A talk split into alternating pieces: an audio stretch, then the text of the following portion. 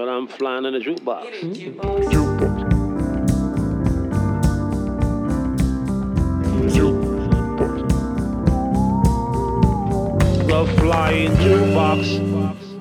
Hej och välkomna till den flygande jukeboxen. En podd av, med och för musikälskare.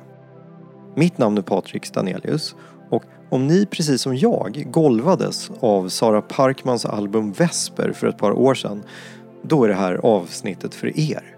Av den enkla anledningen att det är just Sara Parkman som är med. Och det är väldigt kul tycker jag. Sara är faktiskt en av personerna jag har varit på längst om att vara med här men hon har haft fullt upp. Inte minst med egna podden Kul att du håller på som hon har gjort tillsammans med Sibyl Attar. Sara har fortfarande fullt upp för övrigt. Därför är det extra kul att hon lyckades hitta en lucka för att sätta sig ner och prata lite. Men tillbaka till Vesper en stund. För jag visste ärligt talat inte att folkmusik kan låta på det viset. Det säger naturligtvis mer om mina kunskaper än om musiken men oavsett det så är det en sån där skiva som river murar och överskrider gränser. Det tycker jag inte minst bevisas av att Sara nyligen lät ett gäng grymma producenter hacka upp och förvränga och på nytt föda musiken. Och resultatet av det har fått den lämpliga titeln Vesper Remixed. Sen får vi såklart inte glömma debutalbumet Sara Parkmans Skog med både ett och annat välljudande stänk av Enya mellan träden och skivan Matriarkerna där Sara och Samantha Olanders spelar folkmusik av den gamla skolan tillsammans med äldre storheter som Lena Willemark och Susanne Rosenberg. Men allt det där pratar faktiskt Sara själv om så vi tar och lyssnar på det nu. Sara Parkman, tusen tack för att du tar dig tid ur ditt mer och mer välspäckade schema verkar det som för att träffas och snacka lite. Ja, det, det är liksom inte vad jag har tänkt att man ska ha ett välspäckat schema men det är som att det är ketchup-effekt nu när, när, när pandemin är över inom citationstecken. Så det är allt som skulle ha hänt under ett och ett halvt års tid ska ske under den hösten. Så det är väldigt mycket turnéer och då blir dagarna hemma blir ganska begränsade och då är det mycket som ska hinnas med. Och jag vill minnas att jag hörde ju faktiskt av mig till dig för ett och ett halvt år sedan i princip och frågade och då var svaret absolut, det låter jättekul. Vi får se när jag hinner. Oj, det är konstigt att man har blivit en sån person. Men du, snabb fråga innan vi bara kastar oss in i musiken. Är du allergisk mot att ha tråkigt? Nej, eller ja, svaret är nog både ja och nej. Jag tror ju egentligen, jag är ju verkligen uppfostrad med att det är bra att ha tråkigt för då skapas kreativa saker. Alltså jag minns när jag växte upp liksom, både i Rättvik och i Härnösand och i, i synnerhet i Rättvik så var det inte så mycket man kunde göra som barn och vi bodde utanför centrum. Och då minns jag att min mamma liksom tyckte att jag och min syster, det var bra att vi hade tråkigt. Så hittade vi på massa saker för att inte ha tråkigt. Så jag tror att det är jätte, eh, tristessen är toppen. Och för att motverka den så måste man hitta sina egna lekar som ett barn gör. Då krokar jag på här bara. Hur tidigt blev eh, musiken en sån lek? Eller kom det liksom i den senare barndomen? Nej, den har nog alltid varit en, en aktiv del. Eller på något sätt, alltså min, min familj har musicerat väldigt mycket. Min pappa har eh, mycket inom kyrkan har varit körer och olika ensembler och sådär. Så att musiken har alltid funnits jättetydligt närvarande och få sjungit i familjekör och så. Men musiken var en del av de här olika lekarna. Jag minns hur jag och min lilla syster, vi gjorde någon slags lek, en lista på lekar man kunde göra. När det var sådär tråkigt så kunde man ta fram den och bara, ja, ska vi leka med dockor? Nej, jag har inte lust med det. Ska vi, ska vi leka mamma, pappa, barn? Ja, det kan vi göra. Ska vi rita? Och så här. Och då tror jag att i det så fanns det också så här, leka konsert, leka kyrka. Vi hade ett piano hemma och sitta och spela på det mima till favoriter, ta fram videokameran och låtsas vara Gloria Gaynor. Alltså, det var en del av leken, musiken. Det upphörde egentligen aldrig? Nej, jag tänker ganska ofta att det påminner väldigt mycket om när man är barn. Särskilt när man har privilegiet att också vara artist. Där man på något sätt också leker med kostym och mask och man på något sätt bygger upp olika världar så känns det precis som att man är ett barn. på ett märkligt sätt. Mm, vad fint. Du sa ordet Schlagerfestivalen. Det är lustigt för eh, jag ska spela dagens första låt här och Eh, så får vi se om det här är någonting som du har koll på. Eh, jag är väldigt nyfiken på en aspekt av det vi ska lyssna på nämligen.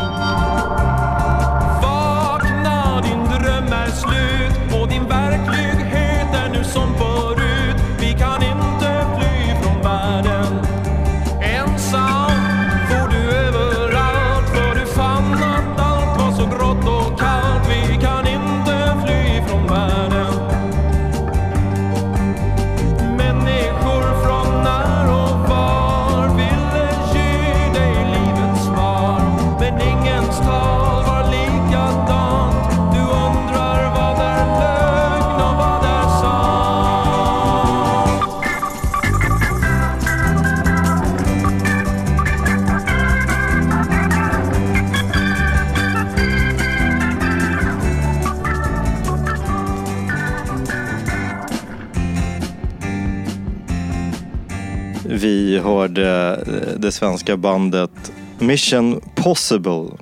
Ingen aning om vilka det är. De eh, beskriver sig själva som Sveriges första kristna popband.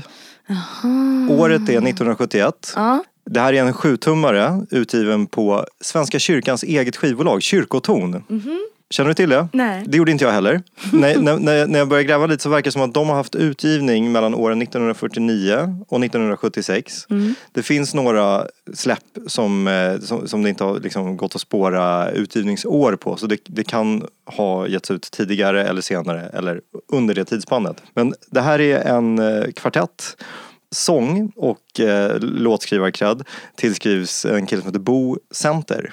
Ja, det känns ju väldigt bekant. Ja, han har varit präst. Han gick eh, i en intervju i tidningen Dagen tidigare i år så var det så här, hallå Bo Center, nu går du i pension efter tre decennier som präst. Ja. I princip. Präst och låtskrivare. Och eh, innan vi går in på kroken här så eh, finns det en kille som heter Manfred Knutsson som spelar i bandet också. Och Discogs gör gällande att den världsberömde tyske modefotografen Peter Lindberg är den som shreddar på orgel. Jag betvivlar att det är sant. Det kan vara så att det är en person som heter Peter Lindberg och så har liksom kablarna korsats lite i, i metadatans universum. Men grejen med den här Bo Center är att han vann den första upplagan av Kristen Melodifestival. Som också tidningen Dagen ordnade. Och det här är någonting som jag inte har hittat någon mer info om. Alltså det här verkar ju vara något som existerar. För att 1997 så gavs alla bidrag ut i form av texthäfte. Men mer än så vet jag inte. Och jag vet ju sen tidigare att du är uppvuxen i en eh, familj där eh, liksom, ni har flera generationers präster under hustaket. Och, alltså kristen melodifestival, var det någonsin någonting som förekom i Parkman-hemmet? Nej, inte alls. Jag har faktiskt aldrig hört talas om det. Så där kommer jag behöva fråga familjen om. Eh, men förmodligen så var väl det kanske inte aktivt på det sättet när jag var barn. Fast 87 alltså var första upplagan. 87? Ja. Och du är född 89 va? Ja. Ja, nej men det... ja, Jag, det, jag ska ju, det är dumt om jag håller på att spekulera men det kan, för jag känner igen namnet Bo Center. Men sen kan det också vara, alltså kyrkan är ju dels uppdelad mellan frikyrkan och svenska kyrkan, ganska tydliga vattentäta skott och där frikyrkan och i synnerhet pingstkyrkan har sin musikscen och så har svenska kyrkan haft en annan och där mycket svenska kyrkan har varit, väldigt mycket körmusik. Och mer eh, frikyrkan har haft de här liksom mer populärkulturbanden, alltså där man har på något sätt speglat det som har varit i samtidens genre och så har man gjort det till kristen musik. Och sen har också, ja men i Svenska kyrkan är det oftast ganska uppdelat mellan stiften. Att man har Härnösands stift och Göteborgs stift och Strängnäs stift och så vidare. Så jag vet inte om det kan ha varit någon annan sätt. För jag har verkligen aldrig hört talas om det. Nej, och jag kan säga det här var B-sidan på singeln Mission. Det är en självbetitlad eh, sjutummare som heter Mission Possible. A-sidan är också ett spår som heter Mission Possible som är, alltså tänk dig typ någon så här orgelbaserat psykrockband från sent 60-tal, typ Iron Butterfly fast nerpitchat eh, och i halva tempot så har du det vi hör här. Det är verkligen svinbra. Vad kul. Ja, men, och, alltså, jag har också, till mitt försvar, men jag har inte lyssnat så mycket på musik hemma när jag växte upp utan vi sjöng och spelade själva. Men har egentligen aldrig aktivt lyssnat så mycket på musik så jag har inte den liksom, det har jag inte med mig hemifrån. Ett, ett skivlyssnande. Liksom. Nej, jag förstår. Eh, Men vad kul, ett litet tips då och du du får gärna eh, återkoppla om det är så att du eh, hör av dig till någon där hemma och frågar om, eh, om de har koll på Kristen Melodifestival. Ja men det, det kommer jag definitivt fråga och googla och vem som är upphovsperson till det och sådär. Du, nu ska vi, eh, tänkte jag, ta eh, en eh, tripp längs eh, minnenas allé till eh, sen barndom, tidig eh, tonårsålder för dig. Och eh, det gör jag genom att spela den här.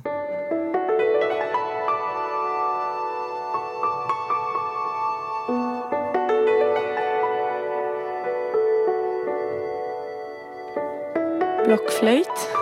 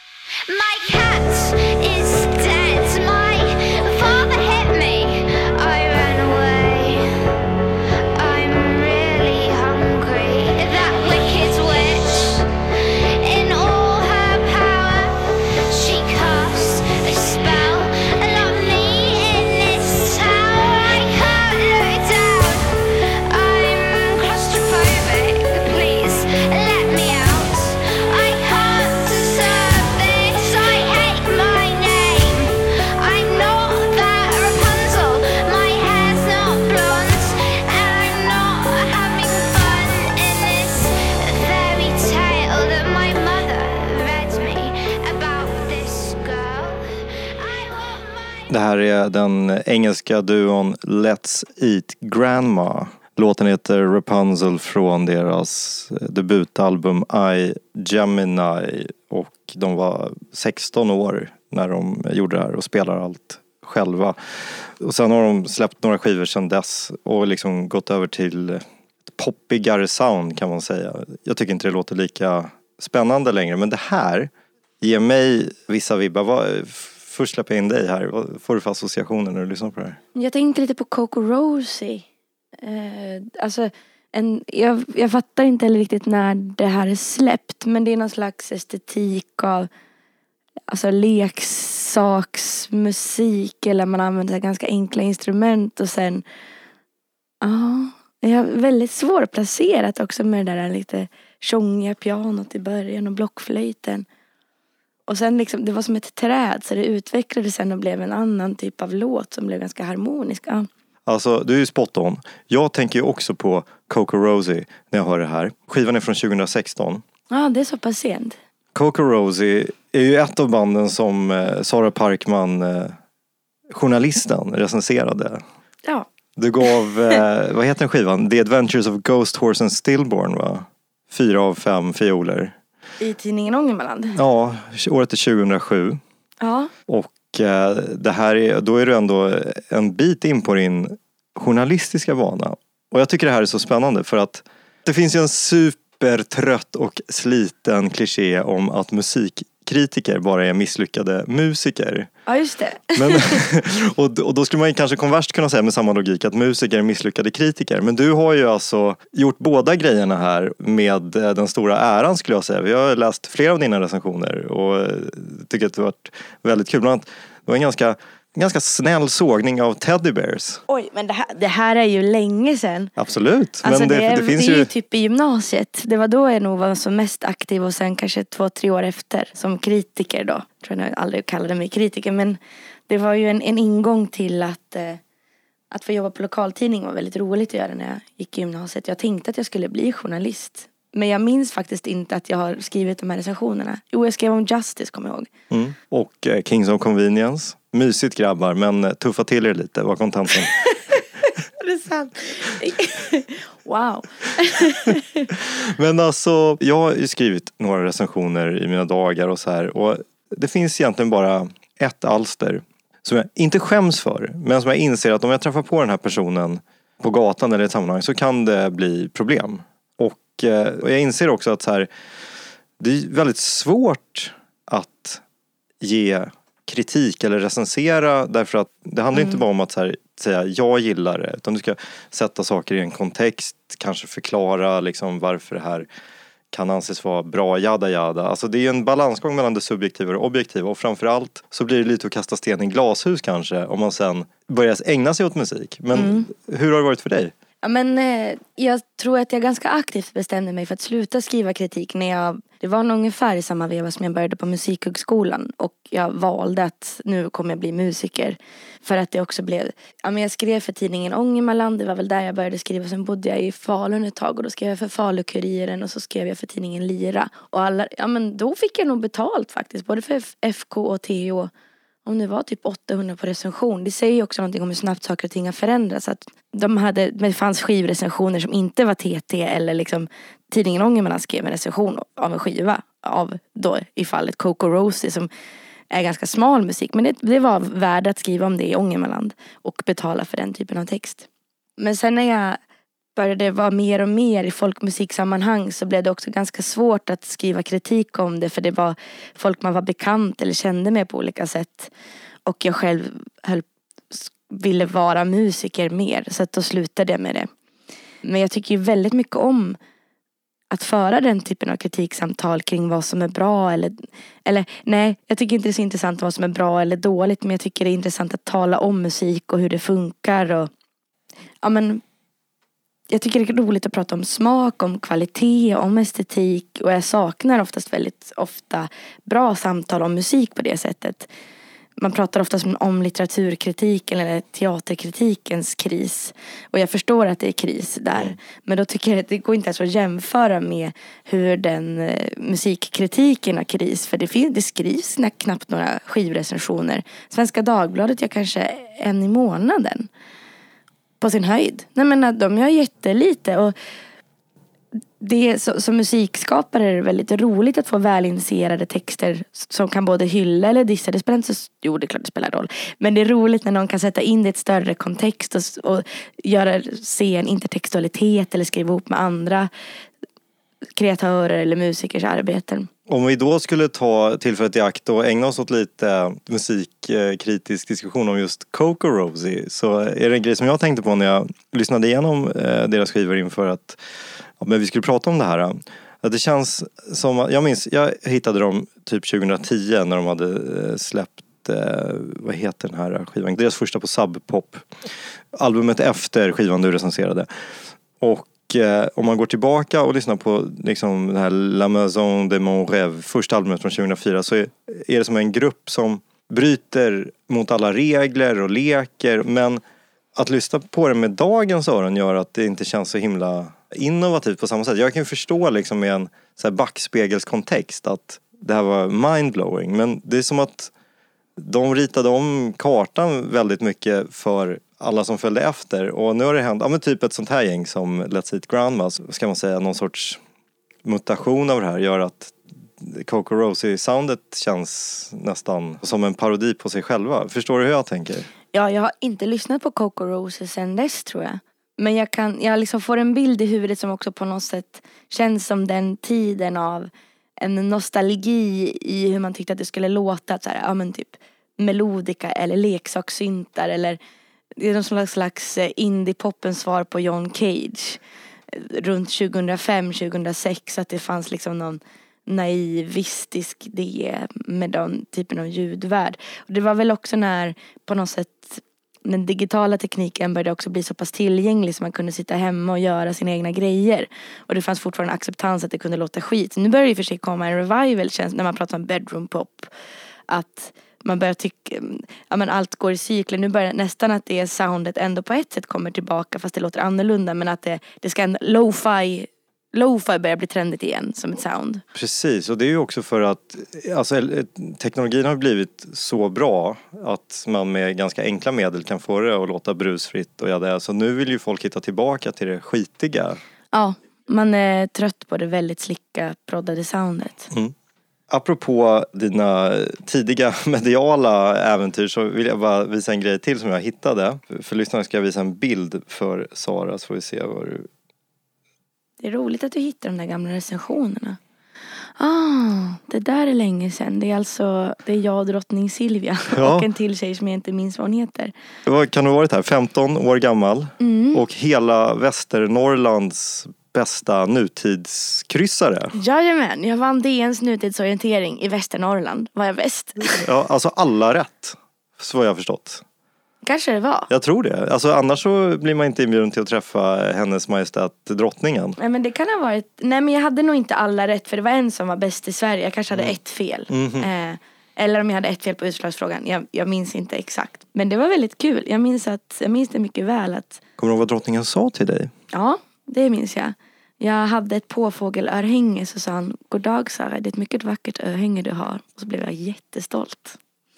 Ja, fint. Alla ja. andra barn hade liksom ganska tråkiga, präktiga kläder och jag kom i en eh, 70-talsklänning som jag hade köpt på Röda Korset i Härnösand med stora blåa prickar på så där typ rött, orange permanentat hår så påfågelsörhängen. Så jag stack rätt mycket ut i min look. Underbart.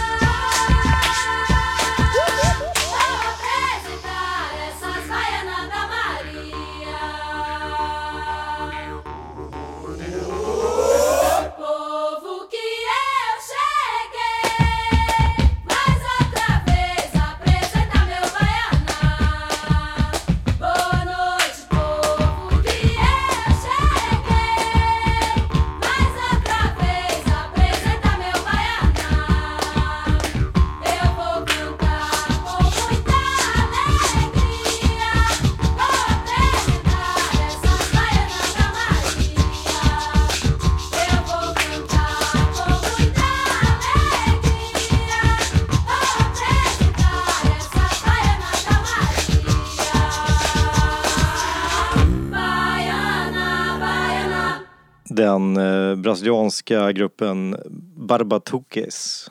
Pionjärer i den brasilianska body percussion fåran Okej. Ja. sjunger Baiana. Och då antar jag, eh, alltså det fi- finns inte svin mycket info om de här på sajter som inte är portugisiskspråkiga. Mm. Alltså jag vet inte om det här första ljudet som man hör var mungiga men allt annat Det låter det som. Ja, men kickarna kan ju vara stampar i golvet och de klappar händer och klappar sig på magen kanske. Och Ja. så är det någon närmickad herre som står och puttrar i micken. Ja. När jag hörde den här första gången och det vill jag bara shout-out till eh, Viktor Brobackes DJ-färdigheter. För det är därifrån det kommer. Så tänkte jag, det här är en Sara Parkman-låt fast på eh, portugisiska. Mm. Ja men det är väl kanske den där eh, sång, hur de sjunger. Som är någon slags, eh, det är ju bröströst säger man väl inte men Men förstår vad du menar? Ja, ja men för det är intressant för jag känner, jag tror jag har hört den här någon gång men jag kan som inte heller placera vad det var. Och det, det är som att det skulle kunna vara östeuropeisk musik, det skulle kunna vara spanskt. Alltså jag tänkte så här, är det ojos de brujos? Den typen av, för det finns, det finns ju i en tradition, folklortradition den typen av sångstil där man är eh, så väldigt tydligt att sjunga med den ganska spettiga sångstilen. Det finns väldigt mycket i finsk folkmusik. Eh, Du kan, också, ja, men du kan egentligen hitta det världen över på olika sätt. Och det tycker jag är också en väldigt eh, läckert sätt att sjunga på. Så att jag har använt mig av det.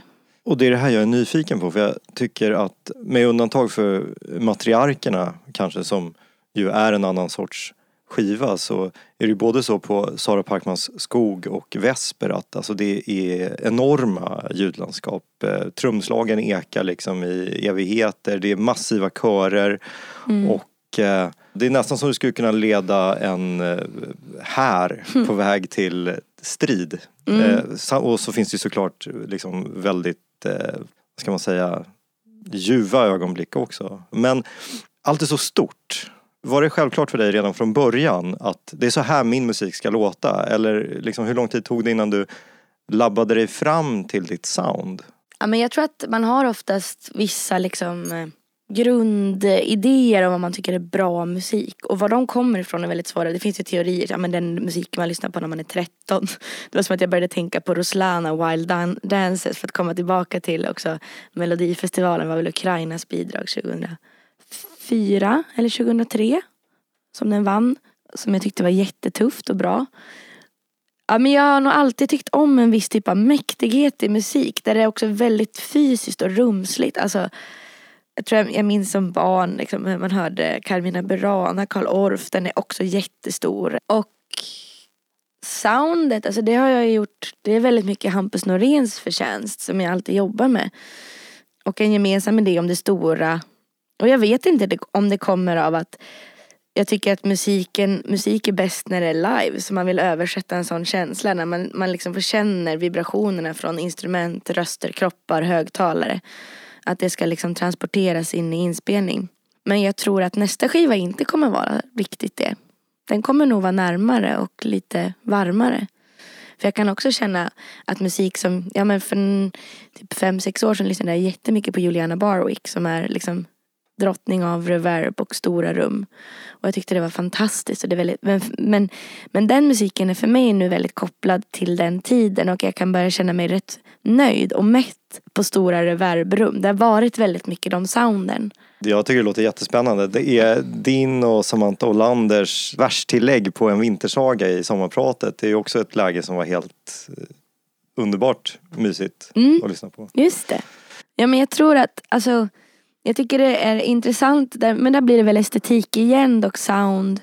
Att som jag funderat mycket på sistone, det är väl också för att det känns läskigt att jobba på ett tredje album och vad ska man säga och vad ska man göra? För det handlar på något sätt om att växa i sitt skapande och sin kreativitet.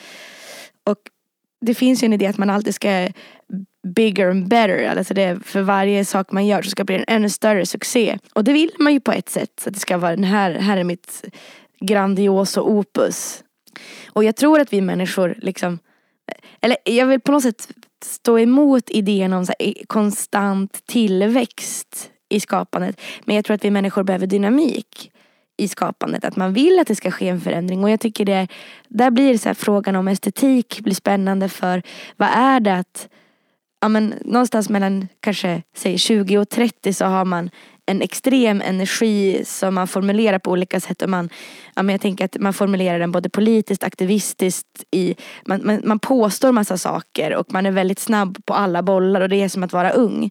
Men vad händer sen när man på något sätt har befäst sig själv och är mer trygg i sig själv och vet vad man gör. Vad skapar man då för någonting? Och ska man, för många på något sätt hittar sitt, sitt uttryck i en ung identitet som man sen fortsätter att göra. Eh, det här har jag liksom inget svar på men och sen så finns det andra som på något sätt hela tiden utforskar och fortsätter söka. Och jag tycker det är helt ja men så här, eh, Veronica Maggio kommer aldrig vara äldre än 25 fast hon är 40 år och tvåbarns förälder. Men typ hennes texter handlar om att inte komma in på krogen och vara olyckligt kär. Och någonstans så lyckas hon passera i det men det är, jätte, det är jättekonstigt. Ja, och, det, och det är där som estetik också blir intressant. Och sound. Att de stora reverben och svulstiga trummorna behövde jag för att ge utlopp för någonting. Och nu tycker jag att det blir intressantare. Så vad händer om man påstår någonting ömt eller nära?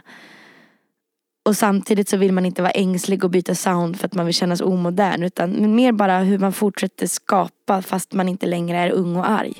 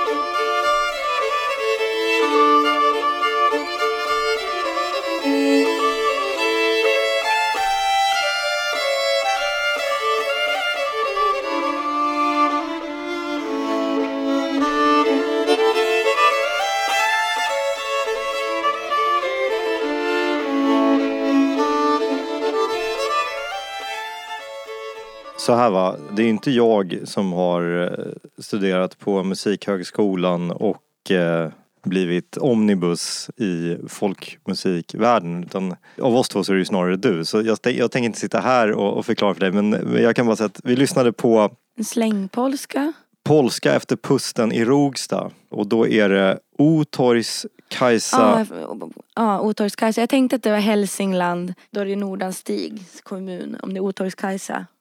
Precis, tillsammans och hon hette Andersson på den här tiden. Numera heter hon Abrahamsson. Ja, just det. Och hon spelade tillsammans med eh, Marika Andersson. Okej, men en ganska gammal inspelning va? Ja, 1982 tror jag. Det är alltså Det låter, här unga, unga spelmän, spelmän. från Hälsingland. Precis. Mm, Det lät som, jag tänkte att det är antingen en, en hälsingepolska för att det är rullstråken.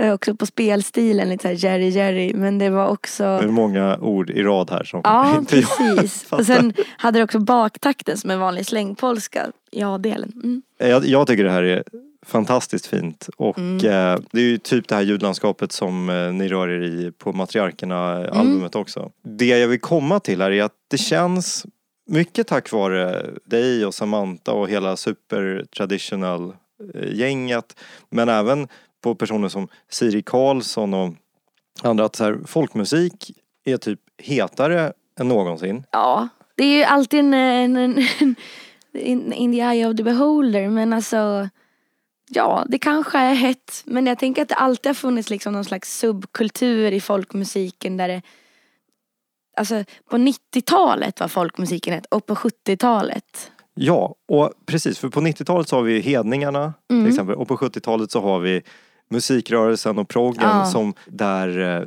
indiemusiken och folkmusiken möts. Ja men där var det verkligen autenticitet så gräv där det står och det var liksom Kebnekaise och Trägräs och stenar och kontakt och skäggmanslaget. Alltså det finns ju hur mycket som helst. Så att jag tror att jag, jag tycker om man jämför med 70-talet där det finns så många exempel och även 90-talet med ja, men Hedningarna, Garmarna, eh, Hovendroven och de här, när man nämner de banden, de var ju liksom ute och spelade på Roskilde och var ute och spelade runt om väldigt på liksom, inom citationstecken kommersiella scener. Men lite mer mainstream sammanhang Ja. i alla fall. Men så är det ju inte nu. Det finns ju inte alls lika många. Det kanske må vara hippt men jag sk- skulle ändå säga att det är ganska få akter som anses vara tuffa liksom. Jo men och saker och ting är ju annorlunda överlag också. Så då tänker jag att under förutsättningarna och det kan ju också vara så att jag tagit på mig den sortens glasögon och ser liksom eftersom det här sammanfaller med att mitt intresse för folkmusik också har vuxit så kanske man ser saker mer och mer. Men jag bara tänker att under omständigheterna så finns det ändå rätt mycket som pekar på att folkmusiken är hetare än någonsin. Eller på länge i alla fall. Ja men eh, det är nog sant att den är det än på länge. Men jag tycker faktiskt att det är svårt att just säga en sån sak när jag också är så inne i, i den musiken och det är svårt att säga om sig själv. Så, ja men man, nu är man hot stuff. För jag tycker att det, generellt sett är en ganska låg konjunktur på musik i Sverige. Jag tycker att Skandinavien så är Sverige sämst i klassen just nu. Där Norge, Danmark och Finland gör mycket bättre både folkmusik men också popmusik och alternativ musik. Att jag tror att vi liksom ser ett kvitto av, men i Stockholm har stängda spelställen av Ja men faktiskt att det finns väldigt få spelställen i Sverige gör att folk inte på samma sätt vågar utforska konstiga grejer och då gör man mycket mer safea grejer. Här, man pratar mycket om så här, musikmakarna som en musikproduktionslinje i Örnsköldsvik där alla som kommer ut därifrån proddar sen artister som så att vi har väldigt duktig produktionskultur. Alltså i arvet av Max Martin så har vi jätteduktiga musikproducenter i Sverige. Men de har ett sound. Eller de har inom sin genre olika sound. Men det är liksom kommersiell popmusik som ligger på Spotify topp 50.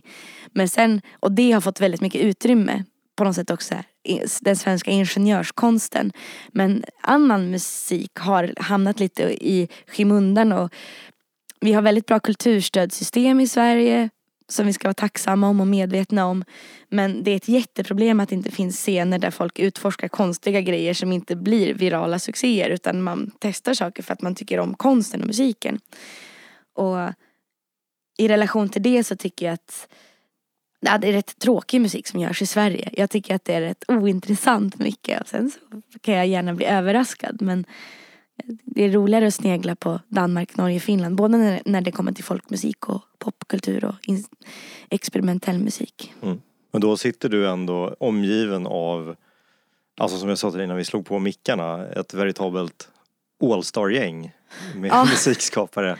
Så att det, det verkar som att din uppfattning om, vad ska man säga, vad som skulle vara en, en bra mängd är det här fast mångdubblat upphöjt till, jag vet inte, 30, 40? Ja men jag kanske tycker att det är för lite för att kalla det för en scen. Mm. Men, men å andra sidan så, det, det är ju inte min roll som musiker kanske att säga så här, ja men det här sker just nu och det här händer för att jag skapar. Och journalistens roll är ju att sammanfatta, det vi talade också om kritikerns roll, att på något sätt dra ihop trådar och, och göra större, rita större kartor. Det är ju det som en journalist gör. Och jag gör ju inte det. Men jag tycker nog kanske till exempel att det, det, var, det fanns mer band att tala om i en sån karta på 90-talet än vad det gör idag. Men jag blir gärna mo- emotsagd för att man blir också ganska trångsynt när man bara håller på med sitt och sådär. Och om tio år kanske man kommer säga, ja men det var ju en jätterörelse. Fan att man inte fattade det då. Ja, och om tio år så kanske det bara är ett frimärke i jämförelse med dagens bricktidning. Ja. Tyvärr, jag vet inte.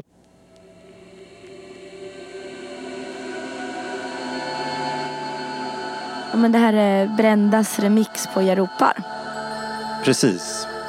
Och här har ju du, tycker jag, eh, gjort något som eh, belyser påståendet att folkmusiken är hetare än på länge. För att du eh, lyfter upp din egen musik och lämnar över den till ett gäng grymma producenter som i princip slänger upp den på ett eh, operationsbord, skär upp den i små bitar och syr ihop inte monster, men alltså nya otroligt vackra skapelser. Mm.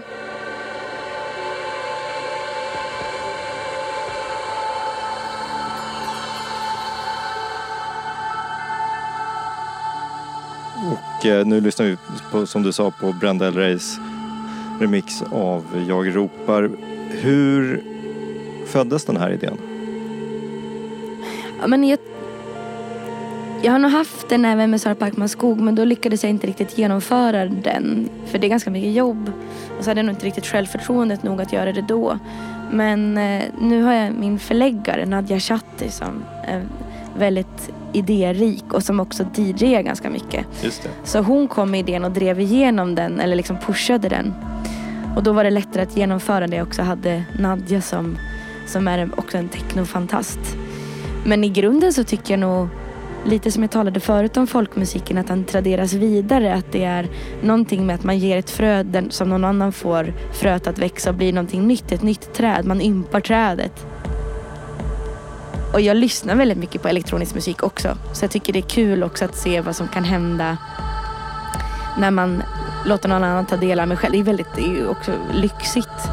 Men också för att eh, folkmusik är ju dansmusik och så här är en annan form av dansmusik. Um, och så tycker jag om att ha samarbeten med andra konstnärer. Alltså Brenda är med och körar på Vesper men är också tonsättare.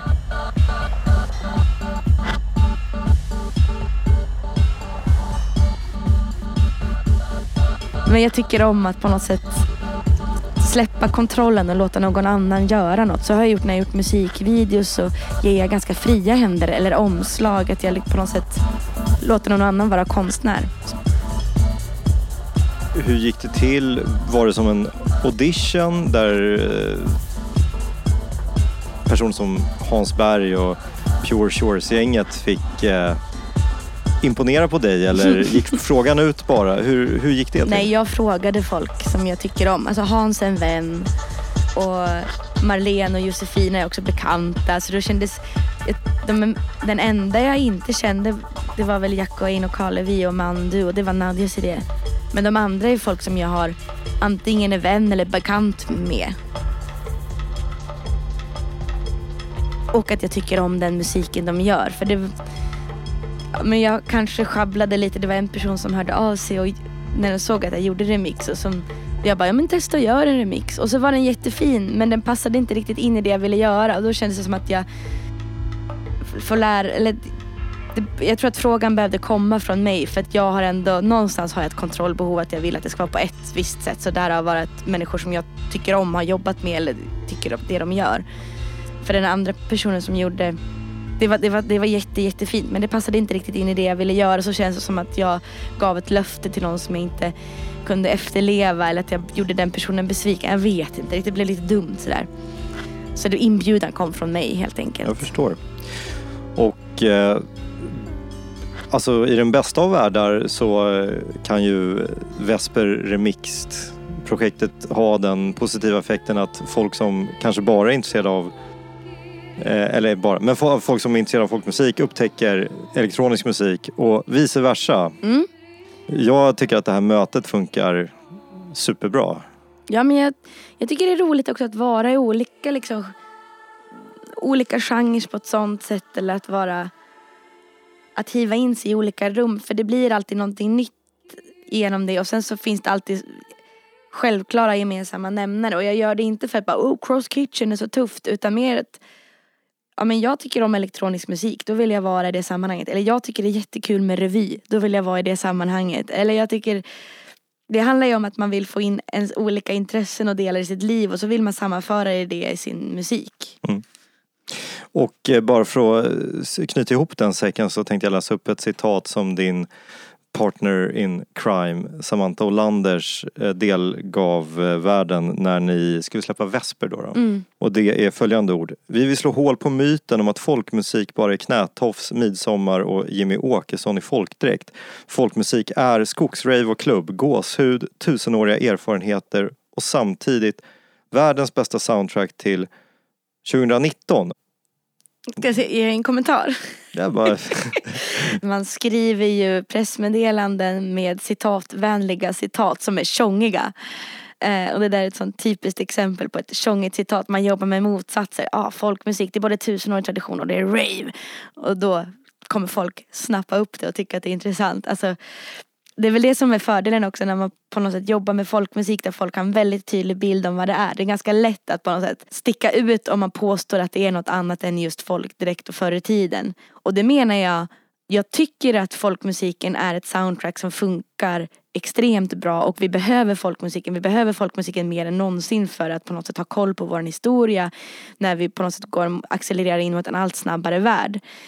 Eh, Men det är också väldigt tacksamt när man pratar om folkmusik för att folk har den här fördomen och vänder man mot den så blir det direkt en, en vad säger man, anomali eller en eh, det, det är lätt att liksom få det att verka lite fräckt när man just nämner skogsrave och folkmusik i samma ord för att man, man tänker att det inte hör ihop. Och det, är, det gör det väldigt kommunicerbart tacksamt, tacksamt att kommunicera. Jag tycker det var ett väldigt bra citat. Alltså jag gillar när du beskriver en grej genom att likna det vid en annan grej. Det blir ju väldigt greppbart. Ja men och egentligen så tycker jag att det är ju sant, det är ju ingen lögn. Nej. Då ska vi ta och knyta ihop säcken med en sista dänga här Sara. Mm.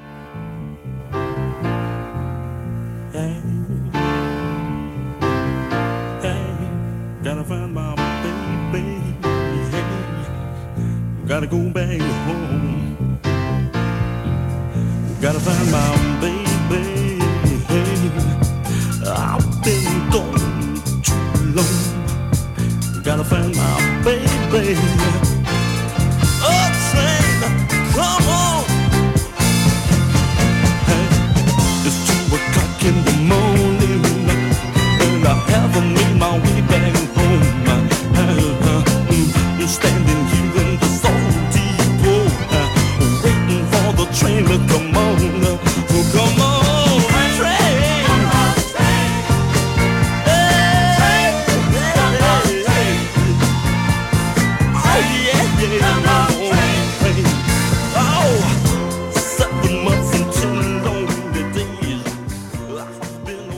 En gammal Northern Soul dänga, Come On Train. 1973, Don Thomas. En eh, tidigare medlem i vokalgruppen The Drifters. Mm. Jag började tänka på Northern Soul och att jag en gång har gått på en Northern Soul-klubb.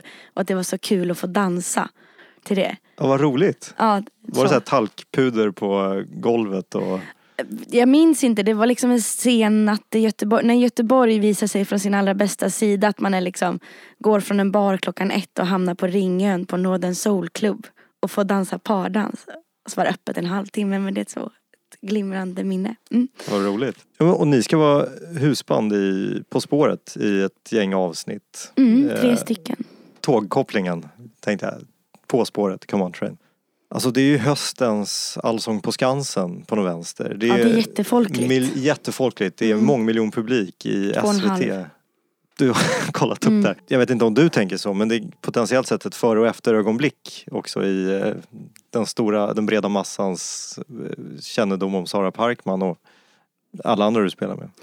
Ja, man kan hoppas det. Alltså jag, jag tycker det skulle vara roligt om det blev så. Sen har jag lärt mig under årens gång när man håller på med musik att det är många gånger man tror att det blir ett momentum och så händer ingenting. Och det är sällan det är den där äh, explosionen utan det är på något sätt man bygger och bygger och bygger.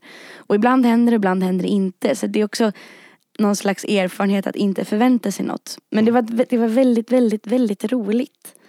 Och det var till skillnad från kanske andra musikprogram så var det fint att vi var verkligen där i egenskap av musiker. Och gjorde våra tolkningar på låtarna. Och vignett och jinglar och outro och allt sånt där. Men vi var ju inte där för att vi är sköna personer. Eh, eller att det är inget realityprogram eller det är ingen tävlan utan vi är där som musiker. Och det tycker jag väldigt mycket om. Att vara där som hantverkare. Och det var väldigt, väldigt kul. Mm. Vem vinner? Det vet jag faktiskt inte. För att vi var ju med i eh, liksom första kval, andra kvalgruppen. Så jag vet vilka som har gått vidare. Men absolut inte vem som vinner. Det är nog inte avgjort än heller. Det eh, rekommenderas ni att titta på senare i höst, eller säger man vinter framåt årsslutet Ja, kanske? 17 december sänds första programmet. Det Mm. blir en, eh, jag kan avslöja så här mycket då. Första programmet innehåller en finsk tango. Som är en tolkning av en känd ungdomshit. Oj, oj, oj. Mm, mm, Och folk som lyssnar på den här podden vet att finsk tango, det är något vi gillar. Ja, ja men kul. Det, det kan jag avslöja. Super. Sara, tusen tack för Tack det här. Ha en fantastiskt fin dag. Det ska jag. Vilka roliga små kringelikrokliga samtal. Det var saker som jag inte brukar prata om så det var jättekul.